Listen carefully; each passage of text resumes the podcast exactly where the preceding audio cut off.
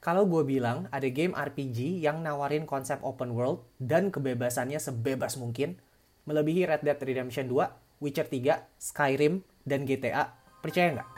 Akan segera gue bahas di episode ini.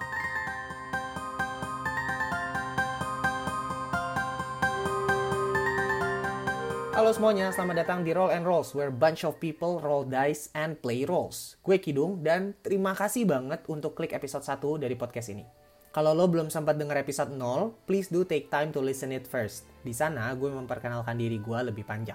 Di episode ini, gue mau bahas tentang Dungeons and Dragons atau D&D. Sebuah TTRPG yang udah ada sejak tahun 70-an, dan dipercaya jadi inspirasi untuk banyak sekali game dan lore fantasy pop culture kita sekarang. D&D ditemukan pada tahun 1974 oleh Gary Gygax dan David Arneson.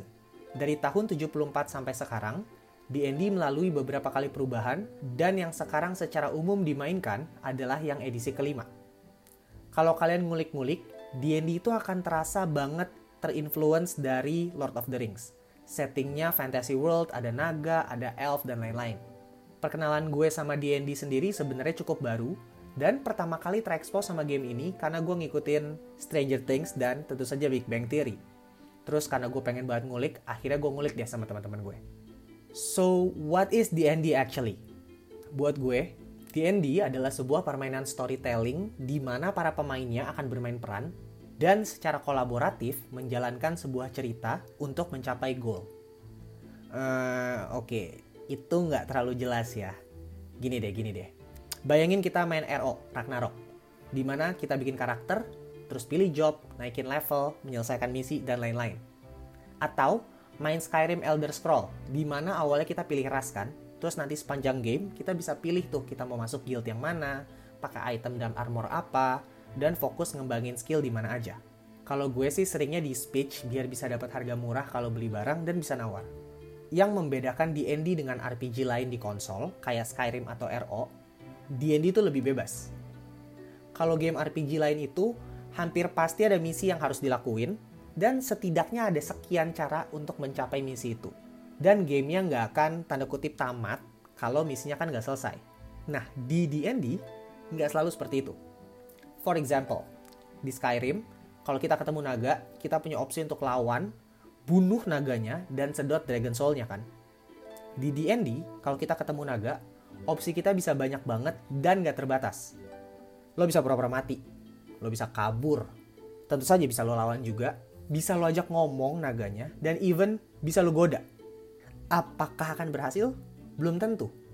Tergantung hasil roll dadu kita. Nah, D&D itu mainnya pakai dadu. Dadunya pun ada macam-macam. Kalau biasa kita main ular tangga atau monopoli, kita pakai dadu yang sisinya 6, kalau di D&D dadunya itu ada banyak dan sisinya macam-macam. Ada dadu yang sisi 4, sisi 6, 8, 10, 12, dan 20. So now you get the point. D&D nawarin kebebasan dalam bermain dan pilihan hal yang bisa kita lakuin itu nggak terbatas. Tapi hasilnya dikontrol sama kocokan dadu kita.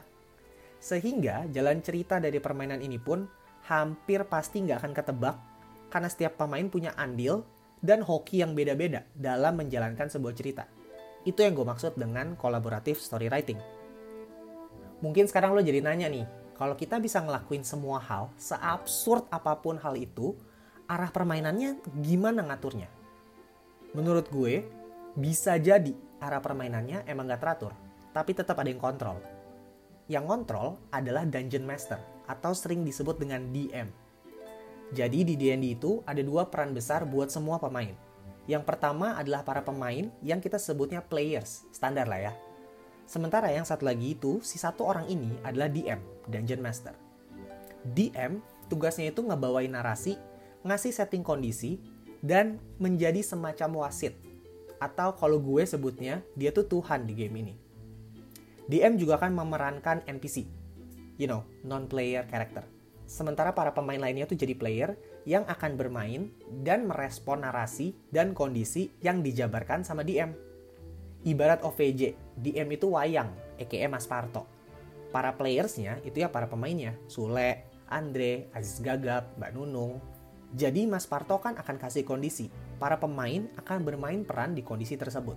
Nanti jalan ceritanya akan jalan sendiri. kalau agak melenceng jauh, biasanya dalangnya akan datang dan benerin lagi ceritanya. Ya kan? Coba gue kasih contoh ya. Kalian berada di sebuah gua gelap dengan obor-obor kecil di dindingnya. Bau lembab karena air dan segala macam. Terus sesekali kalian dengar ada suara binatang secara sayup-sayup di ujung gua sana. Di depan kalian, di bawah sebuah obor yang menyala, kalian melihat ada sebuah kotak harta karun tergeletak gitu aja. Kalian mau ngapain? Nah, kalian bebas mau ngapain aja merespon dari kondisi barusan. Harusnya nih ya, keputusan kalian sangat bergantung sama karakter yang dimainin. Apakah karakter kalian itu orang yang gila harta, jadi langsung buka aja nggak pakai mikir. Atau karakternya penakut dan parnoan. Jadi sebelum ngelakuin sesuatu lebih baik dia investigasi sekitar dulu tuh ngecek sana sini atau justru karakternya orang kaya yang bodoh amat nggak tertarik sama harta jadi pas lihat kotak itu jalan aja dan atau apalagi yang terserah apa pun yang kalian pikirin contoh lainnya kalian adalah seorang petualang yang baru masuk ke sebuah kota terus kalian masuk ke sebuah bar di malam hari kira-kira itu di jam 10 jam 11 malam di dalamnya tuh rame banget ada orang-orang yang udah mabok dan lagi nyanyi-nyanyi bareng. Ada orang-orang yang lagi lihat-lihatan dan kayaknya bentar lagi berantem deh itu dua orang. Terus bartendernya nyamperin kalian dan bilang, hmm, gue belum pernah lihat lo deh sebelumnya. What can I help you with? Kalian mau ngapain? Nah, itu baru dua dari tiga pilar dari D&D. Contoh pertama tadi itu eksplorasi dan contoh kedua adalah social interaction. Bagian ketiga dari D&D itu combat, aka berantemnya. Tapi itu penjelasannya akan cukup panjang, jadi mungkin gue akan bahas itu di satu episode khusus. Kurang lebih itu tentang D&D. Pilarnya ada tiga ya, eksplorasi, social interaction, sama combat. Sementara cara mainnya pun secara umum terbagi jadi tiga kondisi. Yang pertama, DM ngejelasin kondisinya. Yang kedua, para pemain memutuskan untuk melakukan sesuatu atau tidak melakukan sesuatu. Yang ketiga, pemain akan roll dadu. Balik lagi ke yang pertama, DM akan ngejelasin dari hasil dadu itu apa kondisi berikutnya. Nah, menurut gue itu adalah serunya main D&D. Kita punya banyak banget hal yang bisa kita lakuin dan konsekuensi dari game ini juga sangat variatif. Game ini sangat bergantung sama kreativitas kalian sebagai pemain, baik secara individu maupun secara grup. Terus kemampuan kalian juga secara impromptu untuk bermain peran dan tentu saja kocokan dadu. Tapi kalau dari tadi kedengerannya banyak banget dan kayak kompleks banget, uh, jangan takut. Sebenarnya nggak sesulit itu kok. Ketika nanti dia dimainin akan terasa lebih mudah. Dan yang paling penting, jangan lupa untuk utamakan kesenangan and make sure everybody have a great time when playing. Kalau tadi gue bilang keputusan setiap karakter itu kan harusnya disesuaikan dengan latar belakang dan karakteristik dari karakter tersebut. Maka proses pembuatan karakter jadi penting banget. Mulai dari pilih ras apa atau kelas apa. Uh, kalau di Ragnarok kelas itu job. Jadi kayak fighter, wizard, barbarian, ranger, dan lain-lain. Pembuatan karakter akan gue bahas di episode berikutnya.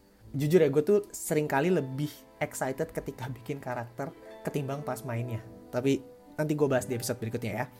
Anyway, gue Kidung, pamit dulu and may you roll 20s on your daily. Bye-bye.